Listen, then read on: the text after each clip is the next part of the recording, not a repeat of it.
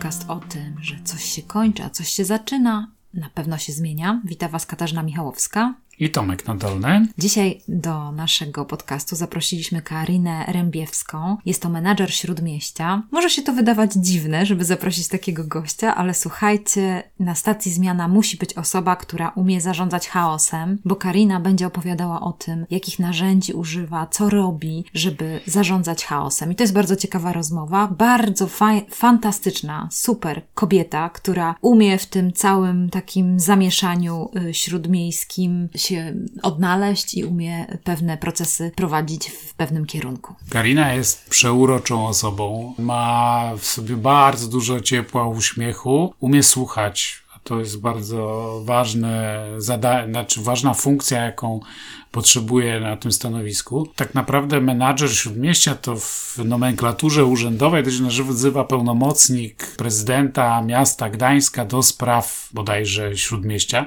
chyba tak to się dokładnie nazywa. To jest bardzo fajne, dlatego że wiele lat temu ja z tym pomysłem, żebyśmy takie stanowisko, taką funkcję, żebyśmy ją jakby ustalili, zrobili w Gdańsku, przyszedłem do prezydenta no już wiele lat temu i ten pomysł długo tam dojrzewa, Między innymi byłem w Toruniu zobaczyć, jak to działa, bo w Toruniu tego typu funkcja działała, w międzyczasie wygasła i tam był taki dość duży aparat wokół tego urzędniczy. To był całkiem spory wydział w urzędzie, który się tym jakby zajmował. No w Toruniu główną atrakcją jest jednak starówka. W każdym razie ten pomysł został zrealizowany, ale nie tak od razu. Dlatego, że początkowo po ogłoszeniu konkursu nie udało się wybrać takich osób, które by gwarantowały gwarantowały temu przedsięwzięciu sukces. Czyli no, nie udało się osiągnąć zakładanych rzeczy, które, które miało to stanowisko, ta osoba miała zrobić. Do czasu, dopóki nie pojawiła się Karina. Karina wygrała kolejny konkurs i moim zdaniem to jest dokładnie osoba, która powinna być na tym miejscu, o dokładnie takich predyspozycjach i dokładnie o takiej energii, jaką ona ma, i tym umiejętnością balansowania milionem różnych rzeczy, a jednocześnie też e, ona musi znać się na bardzo wielu różnych rzeczach, umieć e, rozmawiać z bardzo różnymi podmiotami i osobami. No i Karinie się to udaje. Ona wam trochę opowie za chwilę w podcaście, jak ona to robi, ale też chciałbym, żebyście wyciągnęli też może taką nauczkę, którą ja wyciągnąłem z tego,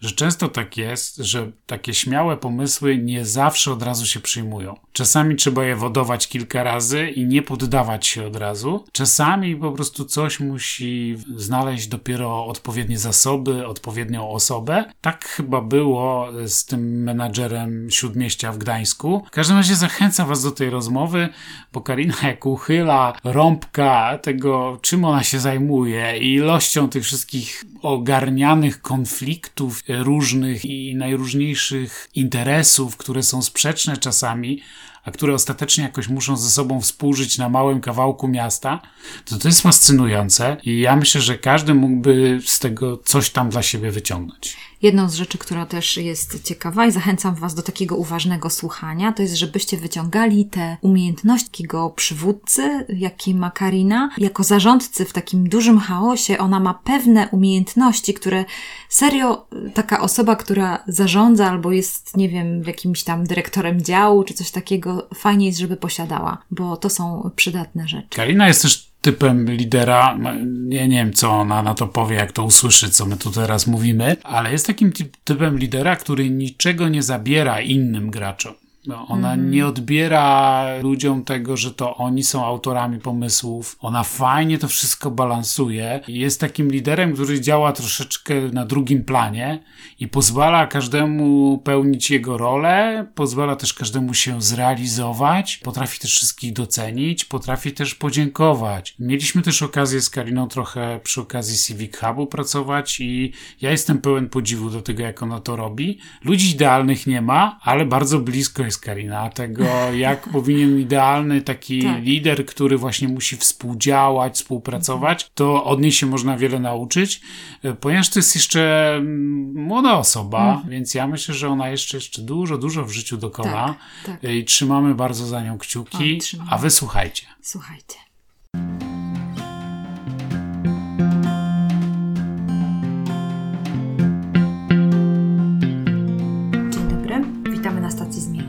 Katarzyna Michałowska. I Tomek Nadolny oraz Karina Rębiewska.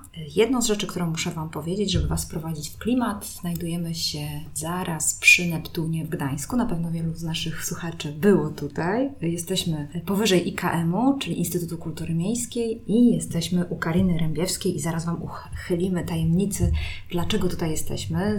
Wokół nas wiszą przepiękne mapy Gdańska, wiele segregatorów, bardzo fajne biuro. Karino, bardzo Cię prosimy, żebyś się przedstawiła naszym słuchaczom. Dzień dobry. Karina Rębieska, menadżer Śródmieścia Gdańska, oficjalnie pełnomocnik prezydenta miasta Gdańska do spraw Śródmieścia, ale faktycznie ta nieformalna nazwa menadżera jest e, bardziej rozpoznawalna. Jestem gdańszczanką, mieszkanką Gdańska. E, można powiedzieć, że z, prada, e, z dziada pradziada mm, dziadek urodził się na Piwnej. Babka tutaj Kaszubka później za, za dziadkiem przybyła i tak przy, mieszkali 65 lat.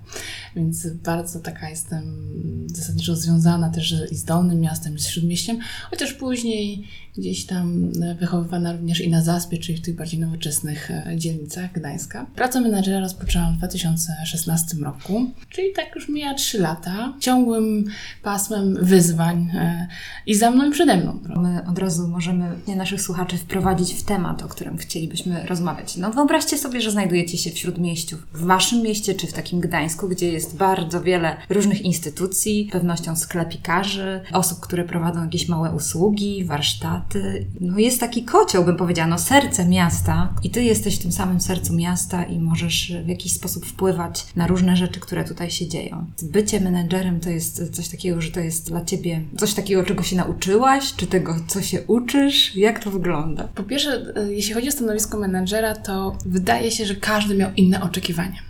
Zarówno ja osobiście, jak przychodziłam do tej pracy, zarówno moi mm, pracodawcy, jak i mieszkańcy. Jednym się wydawało, że przyjdę, machnę różdżką i wszystko będzie zrobione, załatwione.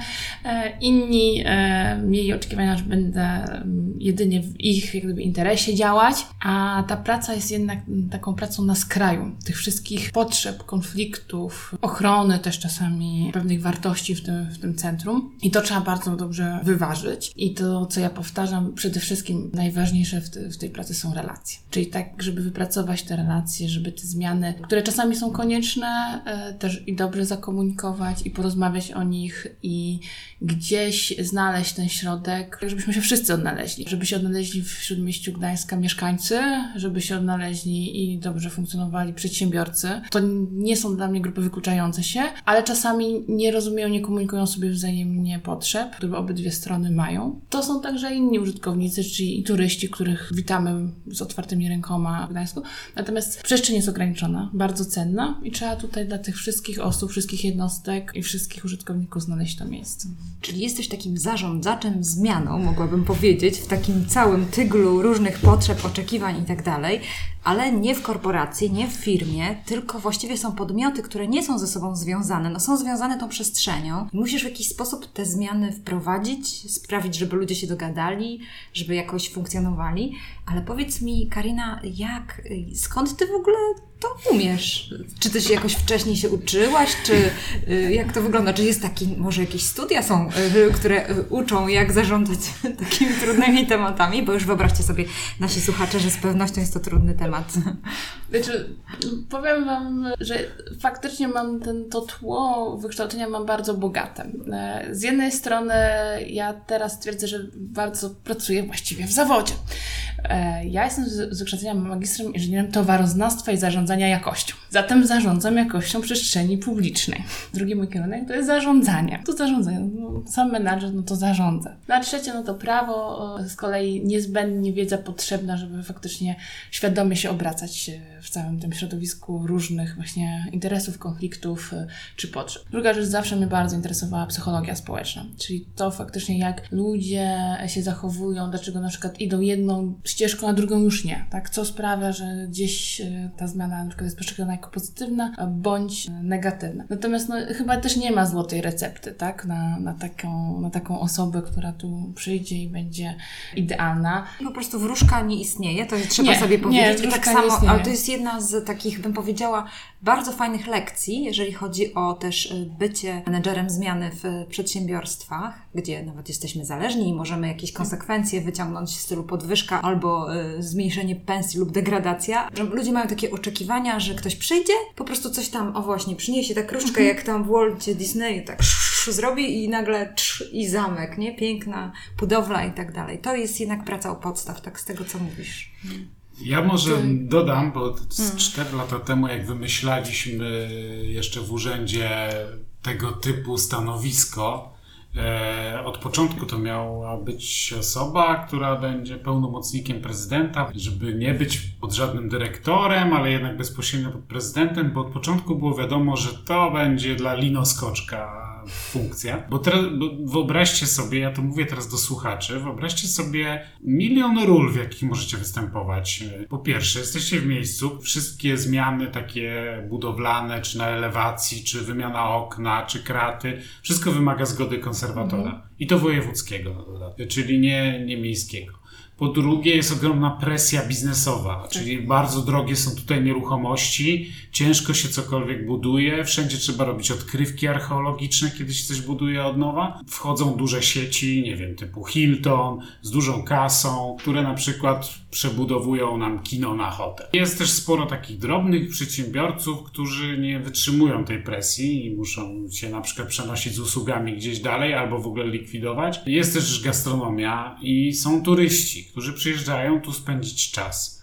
Jedni chcą spokoju i zwiedzania, a drudzy chcą balangi do rana. Mhm. Do tego dochodzą wiem, taksówki, fast foody, zieleń, ale to, że ludzie załatwiają swoje potrzeby w najróżniejszy sposób, taki ograniczona przestrzeń, w której powstaje mnóstwo śmieci, bo tu mhm. bardzo dużo śmieci powstaje i tak dalej, i tak dalej. I, I w tym wszystkim są jeszcze mieszkańcy, którzy też by chcieli na przykład w niedzielę się wyspać dłużej, e, chcieliby móc zaparkować samochód, chcieliby, żeby ich dzieci miały jednocześnie blisko do szkoły, ale miały też plac zabaw. No i weź tu to wszystko człowieku pogódź. Do tego jeszcze, nie wiem, 15 kościołów na małym obszarze, tak mnóstwo muzeów, mnóstwo takiej też przestrzeni użyteczności publicznej, bo nie dodaliśmy też, że to jest takie miejsce, gdzie gdańszczanie często spędzają wolny czas.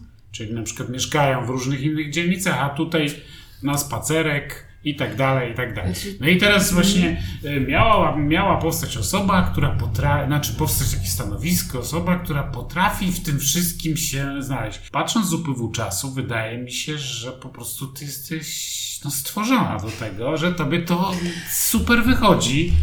E, na ile w ogóle człowiek jest w stanie pogodzić mnóstwo różnych interesów, które są często sprzeczne i pokazać im, że gdzieś można złapać styczne. Każdy chce samochodem wjechać prosto do sklepu najlepiej i tak dalej. Powiedz mi, co ty uważasz, że jest takie kluczowe rzeczy w tym, że tobie się udaje? Zwłaszcza, że tak się akurat złożyło. Pierwsze próby jakby na tym stanowisku, mhm. no tam nie przyniosły jakby oczekiwanych efektów, więc ty byłaś kolejną osobą i okazało się, że ty umiesz i że ty to umiesz robić i że pomiędzy tymi wszystkimi instytucjami, ludźmi, graczami, że tu coś ciągle się zmienia na lepsze i gołym okiem widać, że, że, że dużo się zmienia. Ta presja tego ruchu turystycznego jest coraz większa, bo ruch wzrasta, ale jakoś dajesz radę. Po pierwsze dziękuję za miłe słowa, że to widać, że, że tutaj się coś dzieje, natomiast raz jeszcze powtórzę, to nie jest jedynie moja zasługa, to jest jak gdyby zasługa wszystkich, całego zespołu naczyń połączonych, tak bym powiedziała. Jedna rzecz, która teraz mi się też przypomniała, jak składałam tutaj to, to podanie do, do pracy w konkursie, który się odbywał w, właśnie w 2016 roku, trzeba było przygotować koncepcję. Ja się oparłam na takich chyba ośmiu punktach podstawowych, natomiast pierwsza moja myśl była, co jakby bardzo się dobrze potwierdziło później, to, że mm, jaką koncepcję zarządzania przyjąć. I, i wtedy sobie przypomniałam, że jest coś jak zarządzanie chaosem. To nie będzie takie uporządkowane zadanie, tu już rezultat, produkty, tylko że faktycznie to, to, to, będą pewne rzeczy, które też czasami są od mnie niezależne. Natomiast to, że są niezależne, nie oznacza, że ja nie mogę pójść i poprosić. To nie oznacza, że ja nie mogę pójść i porozmawiać o tym. To nie oznacza, że ja nie mogę się zainteresować czymś, nawet jeżeli to nie jest e, jak gdyby stricte w kompetencjach miejskich. Takim odpowiedzią jak gdyby te, tego stanowiska też wydaje mi się to, że ja działam obszarowo, a nie wyłącznie w takich granicach urzędników czy jednostek miejskich, że jeżeli to nie jest w moim administrowaniu, to ja już nic do tego nie mam. A czasami trzeba mieć, zastanowić się, jak to działa w kontekście. Czy, czy jak ja prowadzę tą ścieżkę, to czy ta ścieżka później na przykład na terenie prywatnym będzie kontynuowana. Pójść ten teren. Bardziej się skupiam i staram się, naprawdę staram się słuchać ludzi. Tego, co oni do mnie mówią, to nie jest tak, że ja się zgadzam od razu. Natomiast ja zawsze lubię mieć dwie perspektywy. Jeżeli mi ktoś jeden mówi, że chce ławkę, a drugi, że nie chce ławki, no to się staram zbadać, gdzie jest ta perspektywa, którą faktycznie ją zrównoważyć. I ewentualnie jak odmawiać, wytłumaczyć tą odpowiedź, tak? Że nie, bo to, to, to, to. Nie, bo wszyscy mają takie same na przykład zasady. E, więc taka troszeczkę konsekwencja też w tych, w tych działaniach jest, jest bardzo istotna, że tak, to idziemy w tym kierunku, a to idziemy w tym kierunku. I że wszyscy są równi. Bo czasami mam takie wrażenie, że na początku mi się dużo rzeczy razy zdarzało, bo ja pójdę wyżej, bo ja to załatwię i tak dalej. A ja mówię, no, ma pan prawo, oczywiście ma pan prawo się odwołać i tak dalej. Natomiast duża szansa jest także, że, że sprawa wróci dziś tutaj do nas. I są takie inne zasady, tak? Każdy się jak gdyby tym zasadom gdzieś ten... Natomiast Wydaje mi się też, że bardzo dużo na takiej świadomości faktycznie pracuje tutaj społeczeństwa lokalnego. Podniosła mi się bardzo jakość rozmowy też z mieszkańcami po, po dwóch, trzech latach. Jest większe zrozumienie, dlaczego na przykład e, nie generujemy, ograniczamy miejsc na ulicach publicznych tylko dla mieszkańców tego są na przykład podwórka, ale to oni muszą decydować, jak te podwórka wtedy zrealizować. Że nie narzucamy pewnych rzeczy. Bardzo dużo jest tych oczekiwań, to wyważenie, zrównoważenie tych wszystkich, e, wszystkich stron jest no, niezbędne. Co jest kluczowe oprócz tego, że słuchasz? No, świetnym przykładem są te podwórka, nie? których na przykład y, tak historycznie uwarunkowane są, na przykład, że takie podwórko jest współdzielone przez na przykład, nie tak. wiem, czasami naście wspólnot mieszkaniowych i na dodatek praktycznie w każdej jest zawsze jakaś taka wybitna jednostka, która niebo nie na przykład reprezentuje, albo na przykład ma tam jakiś kawałeczek, na którym parkowało swoje Cinquecento i wszystkie zmiany jakby, które mogą zagrozić naruszeniu tego porządku, co jest kluczowe. Kluczowe jest także wydobywanie potencjału z ludzi i z jednostek, tego, żeby ich też pozytywnie wspierać. Nie, wierzysz?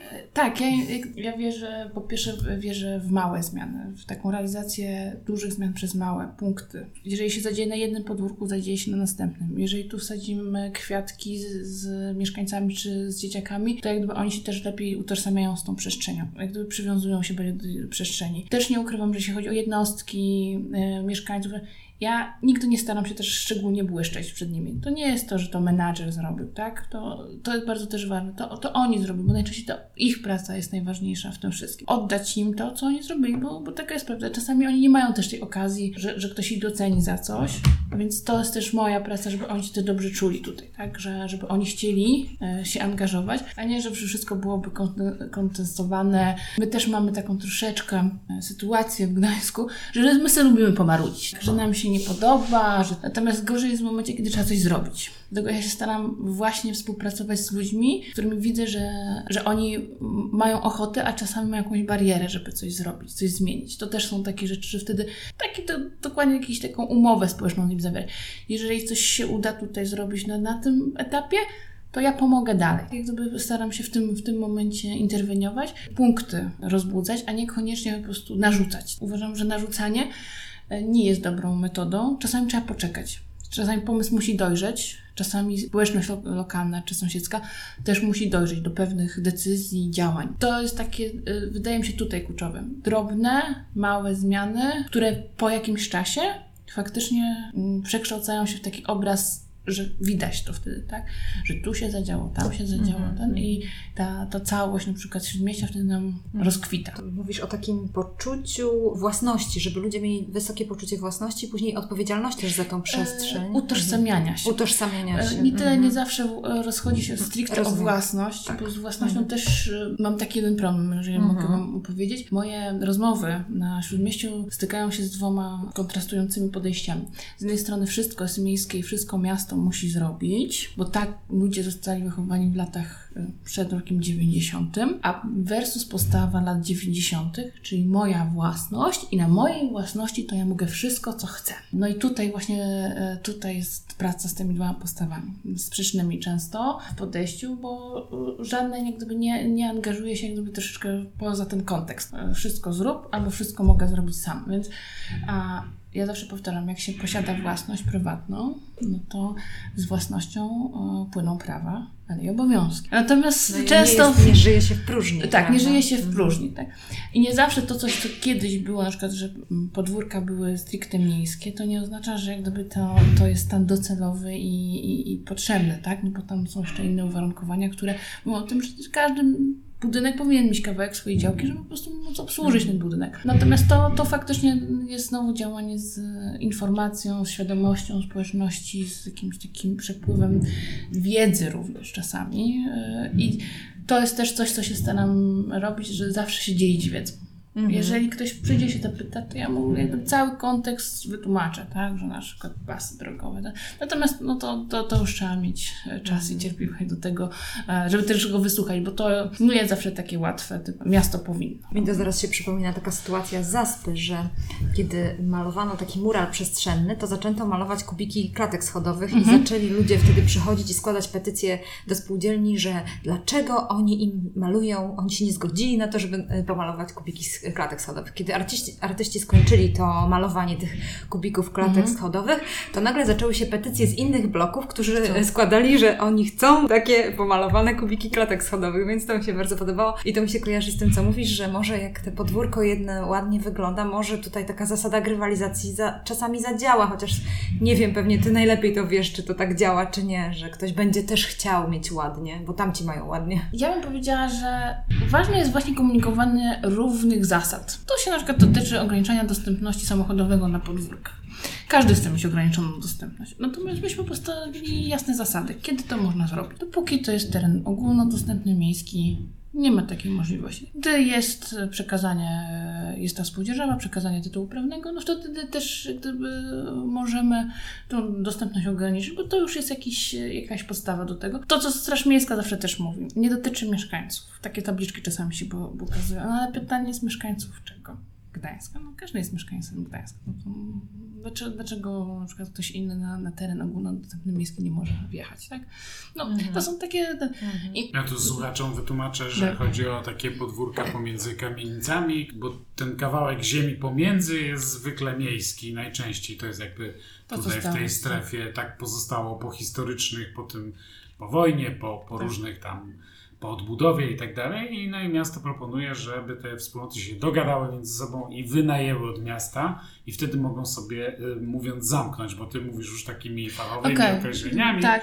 Ale słuchacze mogą nie rozumieć, Jasne. że chodzi o to, że mogą sobie na przykład zamknąć bramą albo na przykład powiedzieć, że nie ma wjazdu, albo coś takiego, albo na przykład zamienić to na, na, na, na plac zabaw dla dzieci, czy Tak. na przestrzeń rekreacyjną. E, Ja tutaj dodam, że ta podwórka to jest naprawdę bardzo duże pole do pracy z mieszkańcami. Po pierwsze, podwórka, tak jak Tomek powiedział, historycznie one są formalnie miejskie, natomiast w innych miastach, bądź gdyby inaczej odbudowano Gdańsk, one by były prywatne. Faktycznie one służą jedynie obsłudze budynków tam zlokalizowanych. Tam tak naprawdę, czy mieszkaniec, nie wiem, zaspy musi wchodzić na podwórko, gdzie jest jakiś śmietnik, y, samochód, A jak wchodzi, to często ma takie Właśnie. intencje niezbyt fajne. Właśnie, dokładnie. Więc, więc to tutaj jest coś, co my też nazywamy tym podziałem, oddzieleniem właśnie tej przestrzeni dla mieszkańców, gdzie tam powinni faktycznie mieć swój spokój, swoją oazę, a drogą publiczną, czyli na przykład ulicą długą, traktem, gdzie tam faktycznie jest bardzo e, głośno i aktywnie. I taki podział trochę staramy się konsekwentnie wdrażać, tak? Czyli ta przestrzeń dla mieszkańców na podwórkach i ta przestrzeń publiczna mm, na drogach, gdzie są też ogródki gastronomiczne, gdzie są nasi turyści. I podwórka faktycznie staramy się zostawiać w gestii decyzji mieszkańców, czyli spotykamy się z nimi, oni decydują, czy oni chcą mieć tu miejsce postojowe, czy oni chcą mieć tam plac zabaw, e, czy in, inaczej sobie to zorganizować, czy zrobić ogród. Oczywiście to jest trudna taka lokalna szkoła demokracji, jak mówi prezydent, bo tam nie zawsze te, te jest ta zgodność. Natomiast uważam, że to jest bardzo potrzebne w takim sąsiedzkim wydaniu, żeby, żeby oni się porozumieli w tym zakresie. I wtedy faktycznie mówimy o tym, że jak już się jakaś ta zgoda tej społeczności lokalnej zostanie osiągnięta, wtedy mogą mieć pewne zaspokojone potrzeby, które tak mają, tak? Na przykład właśnie ograniczenie tego dostępności do tego podwórka. Czyli, że, że ta przestrzeń jest tylko ich, a nie, a nie wjeżdża tam na przykład mnóstwo turystów, którzy szukają bezpłatnego miejsca postojowego. Ty w pewnym sensie ty prowadzisz taką też działalność edukacyjną, że ty musisz zaznajomić y, tutaj mieszkańców z tymi zasadami, które są ustalone, też im przedstawiasz to, że muszą uwzględnić potrzeby innych, więc tutaj jesteś takim troszeczkę edukatorem. Później tych ludzi słuchasz, później z nimi deliberujesz, starasz się jakoś tutaj dogadać. Czy w tym kontekście masz jakieś taki, taką sytuację, że jesteś zadowolona, że był jakiś efekt wow, że ktoś zrozumiał i doszliście do fajnego porozumienia i mówisz, to jest sukces. Najważniejsze czasami jest znaleźć tą osobę też, która podejmie się lokalnie.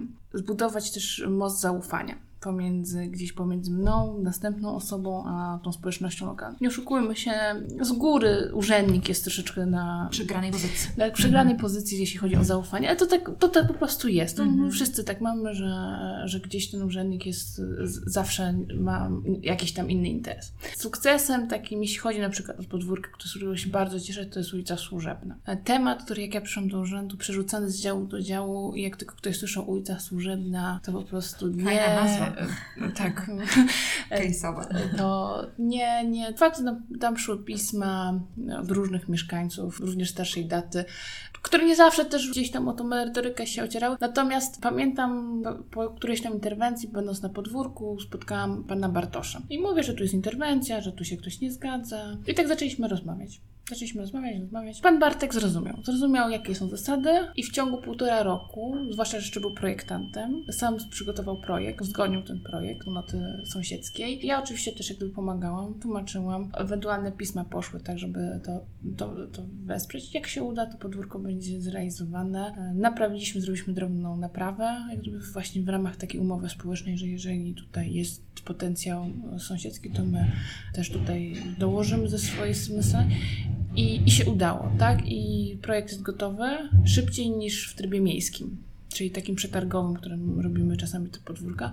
Myślę, że to, że to jest taki przykład, na- gdzie, gdzie się udało po prostu takim zwykłym ludzkim kontaktem. Tylko, że rozmawialiśmy, rozmawialiśmy, do porozumienia doszło i będzie ten projekt, będzie zrobiony. To są takie rzeczy, które cieszą. Tak, faktycznie. Ile, ile ty masz takich podwórek, jak te, te służebne? 5-6 jest takich moich już, już takich. Teraz jeszcze mam jedno wyzwanie na przyszły rok, które się też troszkę ciągnie. No, faktycznie no, najgorsze są za przeszłości czasami takie. Ktoś kiedyś z kimś się pokłócił na podwórku i, i, i ten czynnik ludzki czasami jest taki warunkujący, że, że nie, bo nie. Natomiast są takie właśnie momenty, kiedy, kiedy to cieszy, kiedy, kiedy się słyszy, że jest uzgodniony projekt, że, że poszło, że będzie e, zrobione i, i tutaj w tym. No to, czyli to jest ważne, co mówisz, że kiedy się wdraża zmiany, jest potrzebna ta osoba, która podchwyci tego, ten follower, który po prostu podchwyci zmianę i on jest kluczowy w gruncie rzeczy, że tak naprawdę ciekawe jest to, co ty powiedziałaś, że ty w gruncie rzeczy trochę się osuwasz w cień,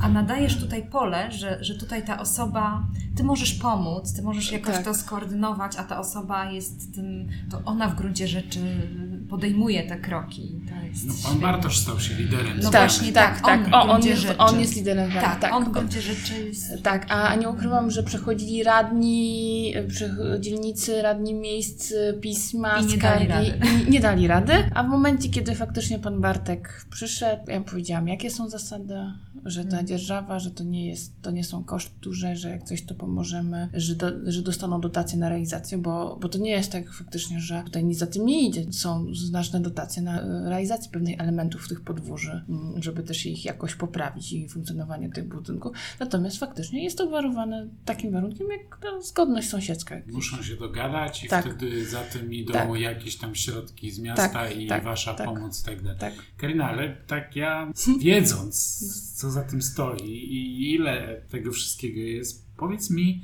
czy ty masz jakieś swoje takie recepty na wypalenie? Bo zarządzanie chaosem i to, co robisz, jest bardzo, bardzo moim zdaniem energetyczno, energochłonne, w sensie takim, mm. że energii twoje, pod twojej pochłania, jakby gaszenie najróżniejszych pożarów, a z drugiej strony szukanie, ciągłe takie nastawienie, dość duża ilość pokory, cierpliwości, bo to słyszę tutaj w tych zdaniach, które mm. dopowiadasz, że na, na coś czekać półtora roku. Po dwóch latach, po trzech widzimy powoli, widzimy jakieś Nie. zmiany i prawdopodobnie ta rozmowa odsłuchana za dwa lata dopiero mm. będzie w innym świetle widziana. Powiedz mi, ty masz jakieś takie swoje patenty na, na to, żeby mm, ciągle ładować akumulator?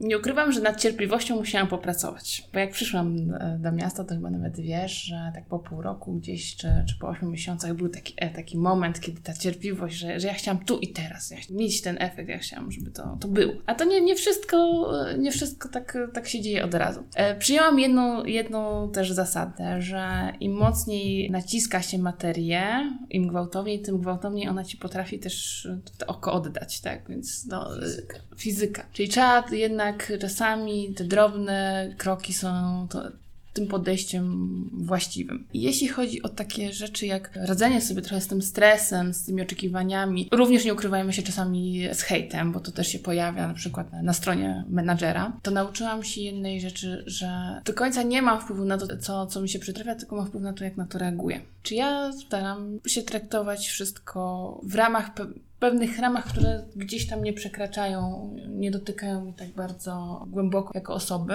Natomiast staram się też no nie poddawać, ufać i wierzyć nadal, że, że to nie idzie w powietrze, ta, ta cała energia i że, że ludzie to doceniają. Natomiast tak jak jest i hejt, to też jest dużo czasami takich pozytywnych, że, że jednak ludzie widzą to, że, że gdzieś to się zmienia, co też daje dodatkową energię w drugą stronę, kiedy, kiedy się widzi ten efekt, nawet po roku czy półtora, jak y, przeglądam w telefonie zdjęcia na przykład dwa lata temu gdzieś tam Ojca, czy tam Świętego Ducha, czy inną, z którą też zmieniamy i widzę tą zmianę, to to jest wtedy ten taki moment satysfakcji, który, który rośnie. Czyli twoje naturalne, takie pozytywne nastawienie do świata i energię i, i no i też masz jednak poczucia humoru sporo. To jeszcze do tego dodałaś elementy, które wypracowałaś. Jednak tak. sobie wypracowałaś pewne elementy my, tak, tak. strategie, tak. które tak, rzeczywiście, jeśli jestem w stanie sobie dobrze przypomnieć, po kilku miesiącach pracy na tym stanowisku miałaś taki mały zjazd, taki tak, motywacyjny. Tak, tak, tak, Czy na, na, dzień dzisiejszy mm, trzymam za ciebie kciuki, żeby to szło tak dalej.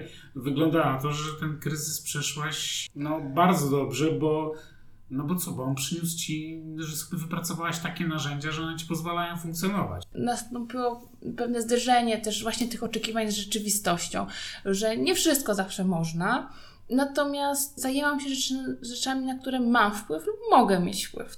Natomiast jest coś takiego, co się też mówi, że zaufanie, ale też zaufanie do siebie. Ja wierzę w to, co robię. Jeżeli ja podejmuję decyzję, to ja sobie ufam w tej decyzji. Nie mam takiego podwójnego dna, że ja coś tutaj rozważam, coś rozgrywam. Ja po prostu ufam, że na przykład ta decyzja będzie dla Śródmieścia dobra. A jeżeli moja ocena w jakimś tam dłuższym okresie byłaby niezgodna, no to są na przykład osoby, które też gdzieś powinny to zweryfikować czy ja się nadaję, czy nie nadaję się do tego. Natomiast ja w siebie muszę wierzyć, nie demotywując się pod naporem też krytyki czasami. Nie wiem, czy słuchacze to wyłapali, ale wydaje mi się, że to też nauczyłaś się, to co powiedziałaś o tym patrzeniu na fotografię w telefonie, mhm. że czasami jest fajnie gdzieś tam sobie zapisać te miejsca małych sukcesów, mhm. tego, co cieszy, bo kiedy jest człowiek przygnębiony, to może wrócić do tego. To czasami mówią niektórzy, jeżeli masz depresję, to, przejrzy, to przeskroluj sobie swoją tablicę mhm. na Facebooku, bo tam zazwyczaj się dzielimy sukcesami swoimi, ale jest w tym jakaś mądrość, żeby wracać do tego, co, co miłe, co mi się udało, co wyszło, żeby się tak nie wypalać, nie? kiedy jest hejt, kiedy jest niefajna sytuacja. Ale także czasami trzeba walczyć ze swoim podejściem perfekcjonisty, czy, mm-hmm. bo to też czasami Dokładnie. przeszkadza. Ja pamiętam taki moment, kiedy faktycznie zrobiłam prezentację chyba dla partnerstwa miejskiego dotyczącego zmian na Śródmieściu i okazało się, że ja z jednej strony miałam wrażenie, że mało, ale jak to wszystko ułożyłam, usystematyzowałam w prezentacji, okazało się, że jest naprawdę dużo. Mm -hmm. I, I że teraz na przykład w Warszawie piszą, nie wiem, na przykład o naszej grobli czwartej, którą udało się przed szkołą zamknąć, postawić ławki. Co mm było pewne, pewnego odwagą y, i zaufaniem także ze strony y, władz miejskich, że, że okej, okay, no, przyszła pani menedżer i tu sobie wymyśliła, że będziemy zamykać. Udało się i teraz faktycznie widać, że, że jest ten efekt. I co najlepsze, to tam rzeczywiście w sumie dopiero po, po wielu miesiącach funkcjonowania tej przestrzeni ludzie ją zaakceptowali jako miejsce, gdzie oni rzeczywiście tam siedzą, leżą. Tak. Tam rodzice widzę, że czekają na dzieci ze szkoły. Lekcje się odbywają no. ze szkoły, mm. tak? Y, Chociaż początkowo wiedziałem, że samochody próbowały na siłę wręcz przesuwać tamte. Tak. Ale powiedz mi, Kednia, ty dotykasz też takiej rzeczy, które mi się wydaje, że w naszym podcaście jeszcze nie mieliśmy, ale każde to podwórko, każdy taki kawałek, kawałek przestrzeni to jest taki mikrokosmos. I ty wchodzisz często jako taki zewnętrzny czynnik, katalizator, mhm. próbujesz zdobyć czyjeś zaufanie. Mhm. Powiedz mi, bo każdy z nas jednak, większość z nas żyje mhm. albo na jakimś osiedlu, albo w jakiejś wspólnocie, w jakimś bloku, w jakiejś szkole w jakiś funkcjonujemy w grupach społecznych. Jak rozwiązywać konflikt? Bo każdy z nas chce czegoś innego. Jeden chce rozrywki, drugi chce spokoju. Jeden ma dzieci, a drugi jest już na emeryturze. Czasami ja wiem, że to takie konflikty sąsiedzkie, one się ciągną latami, są, z wszystkim psują życie, samopoczucie i właściwie to się przecież nie ogranicza tylko do centrum Gdańska. Tutaj są najbardziej widoczne te, mhm. tu wszystko jak w soczewce się skupia. Co byś radziła nam w takim żyjących w tych naszych mikrokosmosach? Pierwsza rzecz. Tak naprawdę to my jako społeczeństwo nie rozmawiamy. I nie rozmawiamy jeszcze o najważniejszej rzeczy, czyli o potrzebach. My najczęściej definiujemy wszystko przez problemy, mhm. a następnie dyskutujemy i kłócimy się o narzędzia, a zapominamy o potrzebach. Czyli jeżeli mamy problem, zaśmiecone podwórko, to to nie jest, to nie jest clue. To oznacza, że clue jest potrzeba jakiegoś czystości czy ładu porządku. ładu, porządku. I tu bardzo często my mylimy te pojęcia. To jest, to jest fenomen. Jak, jak bardzo my dyskutujemy nad wyglądem ławki, a nie nad tym, jaka jest potrzeba tej ławki. Dlaczego ona tam stoi? Czy ona na przykład obsługuje osoby, które e, no, nie mają tej zdolności, żeby przejść 150 metrów. Tylko my dyskutujemy, że tutaj ta ławka tu ma mm, brzydki kształt i że zasadniczo to lepiej postawmy, nie wiem, kubik czy, czy donicę. Troszeczkę tak upraszczam, ale o, o to się rozchodzi, mm -hmm. o te potrzeby. To, co też jako menadżer robię, ja często spotykam strony. Tutaj mówię o różnych e, stronach. Strony potrafią przez 20 lat ze sobą żyć, a się nigdy nie spotkać i nie przedstawić swojego stanowiska na przykład, że jest za głośno, bo na przykład moje dziecko nie może spać, a po prostu eskalują to w momencie, kiedy się gdzieś spotykają i się kłócą na, na tym podwórku. Więc to, to jest taka pierwsza rzecz, czyli czasami się zastanowić, co jest tak naprawdę potrzebą i czy, czy te potrzeby się nie mogą łączyć, czy nie można znaleźć takich właśnie narzędzi, które zaspokoją jedną stronę i drugą w części. Ja nie mówię tu o kompromisach, tylko czasami my, my bardzo upraszczamy, że na przykład całe podwórko to muszą być miejsca postojowe. Nie, nie muszą być. Być może jak domkniemy podwórko, okaże się, że w ogóle nie mamy potrzeby aż tylu miejsc postojowych. Obecnie mamy 100 samochodów, to jak zamkniemy podwórko, to porozumiemy się, może się okazać, że jest 30 i mamy miejsce na coś innego. To są takie, takie rzeczy czasami sprawy, że nie ma tej platformy, żeby porozmawiać i czasami na spokojnie. To z kolei tu mediatorem, bo mamy także do pomocy czasem pana Przemka Kluza, który jest takim społecznym mediatorem, to też tutaj jego, takiego mojego też podglądania. On to robi świetnie. On to, robi świetnie i naprawdę o tych potrzebach trzeba rozmawiać. Powiem też szczerze, że ja czasami to transferuję również do dyskusji z jednostkami miejskimi. W mieście czasami się nam zdarza, że rozmawiamy po prostu już o narzędziu zanim, zanim się jeszcze cofnąć do potrzeby. Chociaż wykształcenia tutaj też korzystam z zarządzania projektami. Tam też się to, to pojawił się ten wątek, że zbudowano most, no bo rezultatem i celem był most. Nieprawda, nie był celem zbudowania mostu. Celem było przeniesienie, umożliwienie przejścia z jednej strony na drugą stronę. A później się okazało, że most się nie łączy z jakąś drogą gdzieś tam i ten cel nadrzędny został nieosiągnięty. Druga rzecz, e, jeśli chodzi o takie konflikty lokalne gdzieś, ważne jest czasami, żeby znaleźć też osobę, która potrafi z tymi sąsiadami rozmawiać. Nie każdy też jest do tego stworzony i urodzony i czasami trzeba oddać na przykład jakiemuś sąsiadowi, jeżeli ma, to, ma tą zdolność rozmowy, żeby on powoli to zaufanie budował. Czasami trzeba mieć pośrednika. To, to, to, nie jest tak, że wszystko się da bezpośrednio własnymi rękami, rękoma zrobić, A czasami ten pośrednik, który na przykład e, gdzieś tam się pójdzie, porozmawia z panią Kasią, która być może no, miała jakieś inne oczekiwania, uda się gdzieś tam coś innego jej zaproponować. Jeszcze w Brukseli pracowałam, mieliśmy taki, takie spotkanie dotyczące ról w zespole. I że są osoby, które są lokomotywami, które ciągną pewne procesy, ale są bardzo ważne też w pracy i w życiu społecznym ludzie od relacji. Oni pójdą na przykład zapa- zapalić papieroska, pójdą na kawkę, ale w międzyczasie potrafią bardzo dużo stworzyć takich y, rzeczy, że ktoś inny się zaangażuje tak na miękko. I to też jest właśnie ważne. że Trzeba do, doceniać takie wartości, rozmowy. Też am- am- tak, do, to jest do, dokładnie to, że są imieniny, że kogoś się zaprosi, że wyśle się zaproszenie, że zapuka się do tych drzwi i powie Pani Kasiu, niech Pani wyjdzie, tak? No bo tutaj coś robimy. Bo czasami nie wszyscy wyjdą od razu, jak widzą coś, że się coś dzieje na podwórku. Ale zaproszeni być może tak, ale do tego też trzeba mieć pewne właśnie takie predyspozycje miękkie, które pomagają wtedy w takich sytuacjach gdzieś te nastroje i eskalację także obniżać, bo to, bo to też jest ważne. Czyli mamy drugi punkt, to jest znalezienie takich sprzymierzeńców, by, czyli Zmiany. poszukanie tej, tej. Czy jeszcze coś jest takiego istotnego? To jeszcze ktoś musi włożyć jakąś pracę w to wszystko, tak? Bo y, jednym z takich najgorszych y, przykładów jest to, kiedy każdy przechodzi koło tego śmietnika, na przykład, widzi, że jest brudno, ale nie podniesie telefonu, żeby zadzwonić, czy to do, nie wiem, czy do dyżurnego inżyniera miasta, czy do zarządcy, tylko ma pretensję, że nikt się tym nie zajmuje. Ale sam A czasami Również nie. zdjęcie na Facebooku. tak, czasami wrzuci zdjęcie na Facebooka. To jest taka kwestia tego, że przechodzimy codziennie koło jakiegoś zjawiska i się nie zainteresujemy, a jeszcze jednocześnie mamy pretensje do wszystkich, że wszyscy inni się nie zainteresowali. Znaczy, to jest, to jest coś takiego, jeśli chodzi o samą pracę, tak poczucie tego, że no czasami wypadałoby, żebym na przykład ja też zadzwoniła, albo żebym coś zrobiła. Więc ja nie ukrywam, że czasami coś jest do mnie zgłoszone, to ja oczywiście proceduję.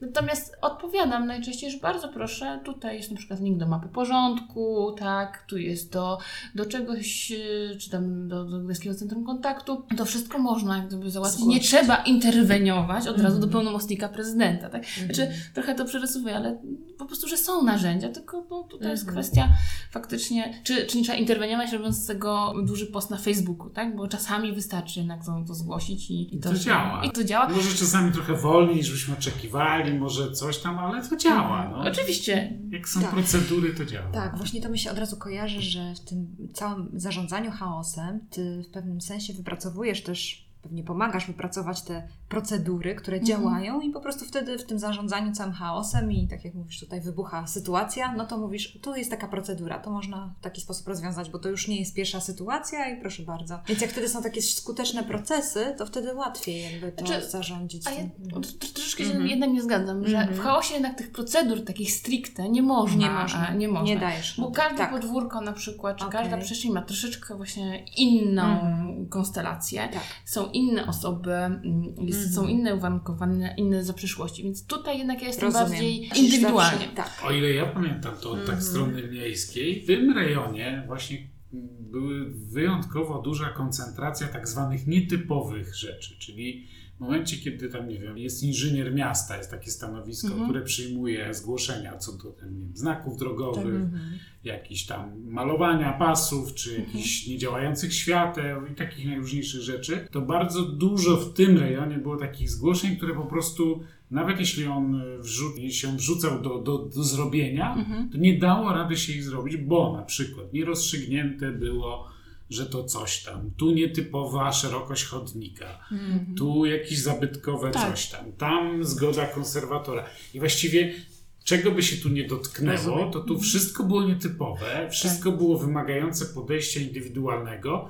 W związku z tym, jeśli tylko można było, to to przesuwano do innej szufladki, żeby się tym nie zajmować, bo w tym czasie rzeczywiście ten ktoś był w stanie załatwić 15 czy 30 typowych spraw, Tak. interwencji, a ten jeden znak biedny nadal był niezrobiony i stał, ale on też wkurzał ciągle ileś osób, które wykonały wysiłek zgłoszenia, ale też te ileś tam, które nie, nie wykonały. I dlatego właśnie był ten pomysł, że jednak musi być ktoś, komu się chce rozpoznać problem aż do dna. To, to jest całkowicie prawda, co mówisz, Tomku, że tutaj każda sytuacja jest w jakimś aspekcie skomplikowana. Zdarzają się różne odpowiedzi z różnych jednostek czasami w tej samej sprawie lub związanej na przykład z jedną ulicą, gdzie po prostu tak mocno jest to zagmatwane w jakichś tam procesach, nie procesach nawet sądowych. Nawet nie ma tej wiedzy, że to jest gdzieś e, tak mocno skomplikowane. Zatem są takie rzeczy, kiedy trzeba to powoli, konsekwentnie uważam, też prostować. Że to, to nie jest też całkowicie inny wszechświat w mieście, to, to główne miasto. To nie jest tak, że bo jest główne miasto, to nas nie obowiązują ogólne zasady, więc mm. też powoli to trzeba prostować. No i na przykład się udaje, prostujemy troszeczkę te granice działek, bo to właśnie o tym, co mówisz, że gdzieś tam tu ta własność, ta własność już jest problem. Natomiast to podejście indywidualne jest tutaj niezbędne, żeby poznać skąd się stworzyło. Geneza. Geneza. Tu mamy też pozostałości historyczne, schrony też są często jakimś problemem. No, najróżniejsze kwestie, z którymi się nie spotkamy na przykład na, na nowym osiedlu, no bo to już jest mm. Jakby nowo, nowocześnie zaprojektowane i zrealizowane. Karina, mam jeszcze do Ciebie pytanie, bo my jesteśmy tutaj w Gdańsku, a czy Ty znasz takich menadżerów jak Ty, którzy taką funkcję pełnią w innych miastach? Czy w innych miastach jest podobnie, inaczej? Czy miałaś okazję jakoś spotkać się z innymi podzielić jakimś doświadczeniem? Bo mówiłaś coś tutaj o Warszawie, że ktoś z Warszawy czerpał z tego doświadczenia zamknięcia ulicy, że to opisał. Czy, czy są tacy menadżerowie w innych miastach? Ty byłaś druga. Ja byłam druga. O, proszę. A kto był pierwszy? Pierwszy był Toruń, Toruń tak. ale w Toruniu w międzyczasie chyba się to trochę posypało. Tak, tak. tak. Z takiej mm. całkiem fajnie działającej struktury. Tak, tak, tak. To, to mhm. Toruń się wycofał, natomiast znamy się z menadżerem Lublina, który mm -hmm. powstał po, po mnie. Pamiętam, że tam pojechaliśmy, mieliśmy spotkanie spotkanie i obchodziliśmy nawet w Lublinie po ich starówce. Troszeczkę inne problemy. De facto bardzo mało też mieszkańców, jeśli chodzi o sprywatyzowane wspólnoty mieszkaniowe i podwórka, tam ten temat nieistniejący, -hmm. gdzie u mnie to jest jakaś większa część -hmm. pracy. Natomiast dużo więcej budynków po prostu komunalnych nadal, zamieszkanych, czyli nie takich miejskich i obszary rewitalizacyjne, czyli w tą, tą stronę. Natomiast jeśli chodzi na przykład o ogródki gastronomiczne, czy takie, taką przestrzeń publiczną, publiczną, to podobne problemy. Mm. Czyli tu brak ławek, tu za dużo reklam. Menadżer także powstał ostatnio w Bydgoszczy. Wydaje mi się tak, nie wiem, miesiąc, dwa mm. teraz. I jest w Łodzi. Natomiast tam jest po prostu osoba od ulicy Piotrkowskiej, to jest przede wszystkim e, menadżer ulicy Piotrkowskiej, bardziej działający pod względem eventowym, czyli takich wydarzeń, imprez, współpracy z podmiotami gospodarczymi, jeśli chodzi o żyjącą ulicę Piotrkowską. One się też rozkładają te akcenty różnie. U nas moim zdaniem mamy na przykład Fundację Gdańską, czy inne jednostki, które jednak te, te, te wydarzenia organizują całkiem sprawnie i tutaj... Nie... Międzynarodowe targi. E, tak, międzynarodowe, ale też mówię po prostu o takich wydarzeniach koncertowych tutaj, mm. dlatego pomyślałam o fundacji, gdzie ja nie widzę potrzeby, żebym się tam wtrącała, no bo wszystko dobrze idzie. Też mam taką zasadę, że tam, gdzie idzie dobrze, no to nie będę optymalizować wszystko, a, a jednak na tych bardziej wyzwaniach czy problemach się skupiać. No. Fajnie, że Kasia zadałaś to pytanie, bo ono jest dobrym wstępem do mojego ostatniego pytania. Co byłoby mm, ważne w ciągu najbliższych kilku lat, może nawet popatrzeć tak dekadę do przodu, mhm. no bo wszyscy wiemy, jakie wyzwania, no, taki bardzo duży ruch turystyczny, a mhm. Gdańsk zaczyna być miastem, które ma bardzo duży ruch turystyczny. Mhm. Jakie to niesie ze sobą plusy, minusy oczywiście. I, I też trochę się Gdańsk zmienił przez to, że powstało Forum Gdańsk. Kładka, tak. więc się zmieniły ciągi komunikacyjne, tak. zmieniły się miejsca Co byłoby Twoim wielkim marzeniem? Marzeniem. E, co by, co by się tu przydało? I opowiedz, że Ty robisz też fajne rzeczy, takie, które patrzą w przyszłość, ale to na koniec jakbyś nam opowiedziała mhm. o tym, jak w tą starą przestrzeń, która ma swoje historyczne uwarunkowania, próbujesz zaprząc e, trochę nowych technologii, to jakbyś mogła na koniec, ale spróbuj mi opowiedzieć, co mogłoby uszczęśliwić to miejsce, zrobić je fajniejszym do życia, do spędzania czasu i takim, mhm. żeby właśnie łączyło różne różne nasze potrzeby najróżniejszych grup. Dobrze, że wspomniałeś o kładce, ponieważ to jest zaczątek do tego, żeby zmienić też poruszanie się po, po głównym mieście czy po śródmieściu. Długie lata była to taka konstelacja, idziemy długa, długi targ, skręcamy w długie pobrzeże i kończy, kończy się nam oferta. I to, to było chyba takie bardzo poważne wyzwanie dla miasta, i, a w tej chwili już nie. Już mamy stągiewną, pięknie zrobioną, zamkniętą dla samochodów, mamy kładkę, więc nam się ten ruch całkowicie inaczej rozkłada. Poszerza się oferta czy dla turysty, ale również dla mieszkańców, bo staramy się jednak robić te, te przestrzenie publiczne, czy to Park Świętopełka, czy też właśnie teraz to na Łowiance się zadziało. Dla mnie, nie ukrywam, kluczowe. Kluczowe dla, dla tego, tego terenu byłaby jednak zmiana jakości ulic i remonty ulicy Szerokiej, Ogarnej i innych na Śródmieściu, żeby one były faktycznie takie z nowym standardem. Z nowym standardem chodzi mi o to, żeby tam faktycznie było miejsce dla wszystkich i żeby każdy użytkownik mógł z niego dobrze korzystać. I tu mówię także o osobach o ograniczonej sprawności, czy to starszych, które mają problem poruszania się czasami po, po starówce, bo gdzieś w międzyczasie uciekły ławki, bo gdzieś tutaj odkryto stary bruk, to też jest dużym wyzwaniem tutaj widzę, chciałabym więcej zieleni też na tym głównym mieście, żeby to, to była taka, taka przyjazna przestrzeń nie tylko i wyłącznie dla, dla samochodów, które czasami bardzo, bardzo prężnie mają tą presję zabierania tej przestrzeni. Jeśli chodzi o tą wizję taką dłuższą, jestem dużym zwolennikiem również, chociaż tutaj to, to jeszcze może lata, ale uważam, że te rzeki samochodów, które tną w Śródmieście są bardzo dużym problemem. Mhm. I przez, prze, przez podwale przedmiejskie niestety no, nadal Dolne Miasto czy Stare Przedmieście jest nadal to z bariera, że tam jednak się nie dochodzi, że gdzieś jest, jest ten, ta granica e, skupia się stricte na tym głównym mieście, teraz troszeczkę wstągiewną szafarnię, natomiast nadal ta, ta bariera te, tej rzeki samochodów jest... Przekroczyliśmy rzekę Motławę, już tak. Y, jakby przestała być przeszkodą. Tak, ale... dokładnie, tak. zaczęliśmy sobie radzić z rzeką jako barierą, natomiast nadal mamy jeszcze problem rzeki samochodów. Dla mnie na przykład bardzo przykry jest ten wypadek, który się wydarzył chyba w zeszłym tygodniu przed dworcem PKP, że 92-latka zginęła, bo ja uważam, że po prostu tu nie powinno być ani takiej prędkości, ani takiej ilości tych samochodów, więc gdyby powstał taki program, na przykład 10 lat, żeby faktycznie uwolnić tą część, to by było moim marzeniem, żeby po prostu przejść prosto przez plac przed dworcem PKP. E, Wydaje mi się, jak fenomenalnie by uzyskał Central Hotel, który dla mnie jest jakby odcięty. Nie ukrywam nawet, że dla mnie nawet forum nadal jest odcięte. Mm-hmm. Ja tam szczerze nie chodzę, bo jakby ono nie jest dla mnie w żadnym kierunku jakby po przejściu. Nie jest to żadna negatywna ocena, natomiast moja obserwacja wynika, że ten układ komunikacyjny wokół forum nie sprawia tego, żebym ja tam w naturalny sposób szła. Bo... Jeszcze nie jest naturalnie zszyte z miasta. Tak, tak nie jest to tak. naturalnie zszyte z miastem, natomiast faktycznie może też szwy trzeba poprawić, żeby to śródmieście historycznie, historycznie pomnik historii było jakby jedną całością, także możemy się poruszać, że tam są autobusy, tramwaje, tramwaj też by był jakimś tam marzeniem, żeby gdzieś lepiej obsługiwał komunikacyjnie środek tego.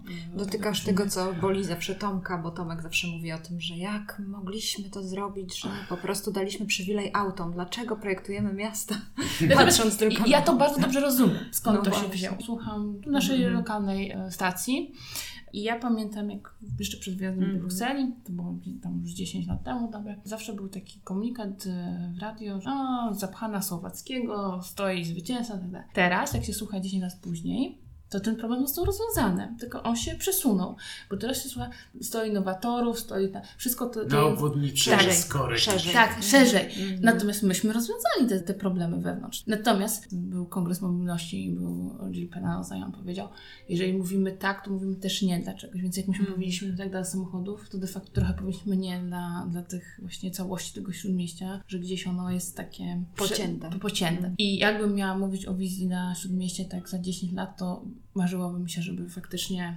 rozproszyć to, żeby nie było, żeby zrobić może tę obwodnicę jak Nowa Sandomierska, która po prostu ten ruch wyciągnęła z wyprowadziła. wyprowadziła. Tak. tak, żeby 92-latka mogła spokojnie tak. i żeby nikt nie mówił, że 90-latka wbiegła pod tak. samochód. Naprawdę trudno sobie wyobrazić no, przy 92-latce. A ja Wam też powiem jedną że, rzecz. Że, że, ktoś, że wbiega pod tak. samochód. No. Może, może to trochę e, tutaj może faktycznie jestem troszeczkę uwarunkowana też personalnie, bo mój tata był niepełnosprawny, a babcia mieszkała na Dolnym Mieście i jeździła zawsze od Zaspy na, na Dolne Miasto. I powiem Wam, że moja babcia od pewnego momentu jechała godzinę wcześniej, żeby się przesiąść pod trzema krzyżami, bo tam było jedyne przejście e, na wierzchni płaski. Robiła to dlatego, że ją tak stresowały tunele, bo ona się bała, że po prostu nie da rady, że zasłabnie na tych schodach. Każdy inny, aż do Łąkowej, każde inne przejście tramwajowe było e, otunelowane, potocznie mówiąc. Więc ona się pod, przy Placu Solidarności przesiadała, żeby tam czekać ponad godzinę na autobus, na przesiadkę, żeby nie musieć bezpośrednio. Mhm. Ja to doskonale pamiętam. Mhm. Bo- Nie, no w ogóle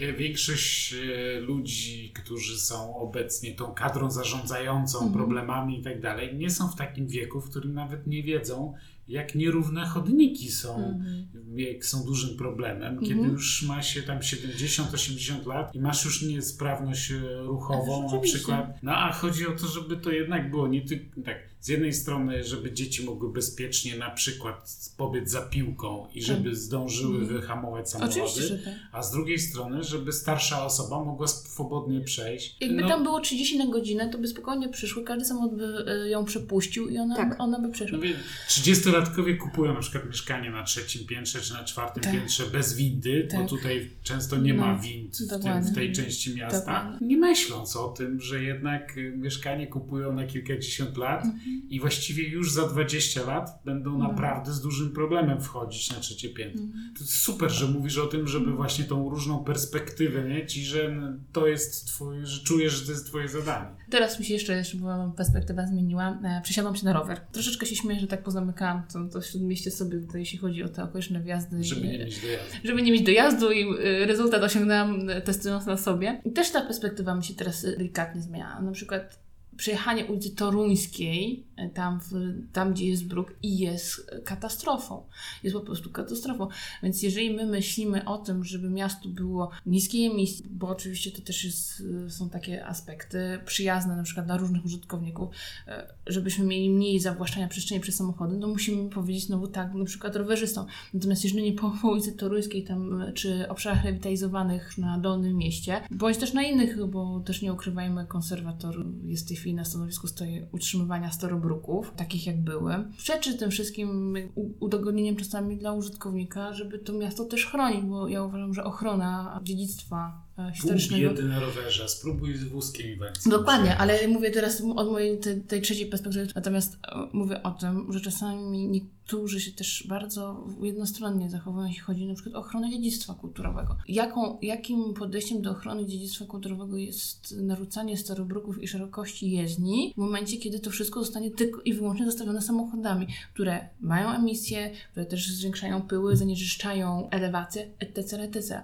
Natomiast podejście jednostronne jest takie starobruk i szerokość jezdni e, taka jak była, bo taka jest historyczna. No, to trochę Czyli dogmatyzm. dogmatyzm. I tutaj Tak, jest... tak. e, Karina, teraz jest czas, już będziemy kończyć podcast. Powiedz nam o tych nowych technologiach, właśnie o tym, co tam takiego, y, jaka nowość tutaj. Bardzo... Jaka nowość? Pracujemy nad wprowadzaniem pewnych, narzędzi zarządzania w Śródmieściu. Na głównym mieście tutaj już mieliśmy przyjemność e, opracowywać i staramy się dopracować e, system słupków automatycznych. Mam nadzieję, że w ciągu kilku dni pojawi się już takie ogłoszenie przetargowe do dialogu technicznego, żeby rozmawiać o konkretnych rozwiązaniach e, z firmami, żeby wprowadzać. A druga rzecz, no to udało się również z projektu Sole zrealizować czujniki parkowania na ulicy Długie Ogrody. Jest to na razie przestrzeń, do której się troszeczkę przymierzamy, żeby ją faktycznie zmienić. Czujniki pomagają w tym, żeby zobaczyć, kiedy są miejsca wolne, a także oszacować, jak faktycznie się użytkownicy tam zachowują. Więc jest aplikacja Smart Parking, gdzie można sobie ją pobrać i wtedy właśnie zlokalizować długie ogrody i tam się pokażą dokładne ilości zajętych miejsc. To jest troszeczkę też pokłosie takich rozmów z mieszkańcami, którzy wskazują, że jest bardzo duży problem na długich ogrodach, jeśli chodzi o parkowanie, ponieważ jest to tam nadal strefa bezpłatna do parkowania, więc chcemy zobaczyć dokładnie te, te, te badanie z, te, z tej wideodetekcji, posłuży nam również do podjęcia stosownych decyzji.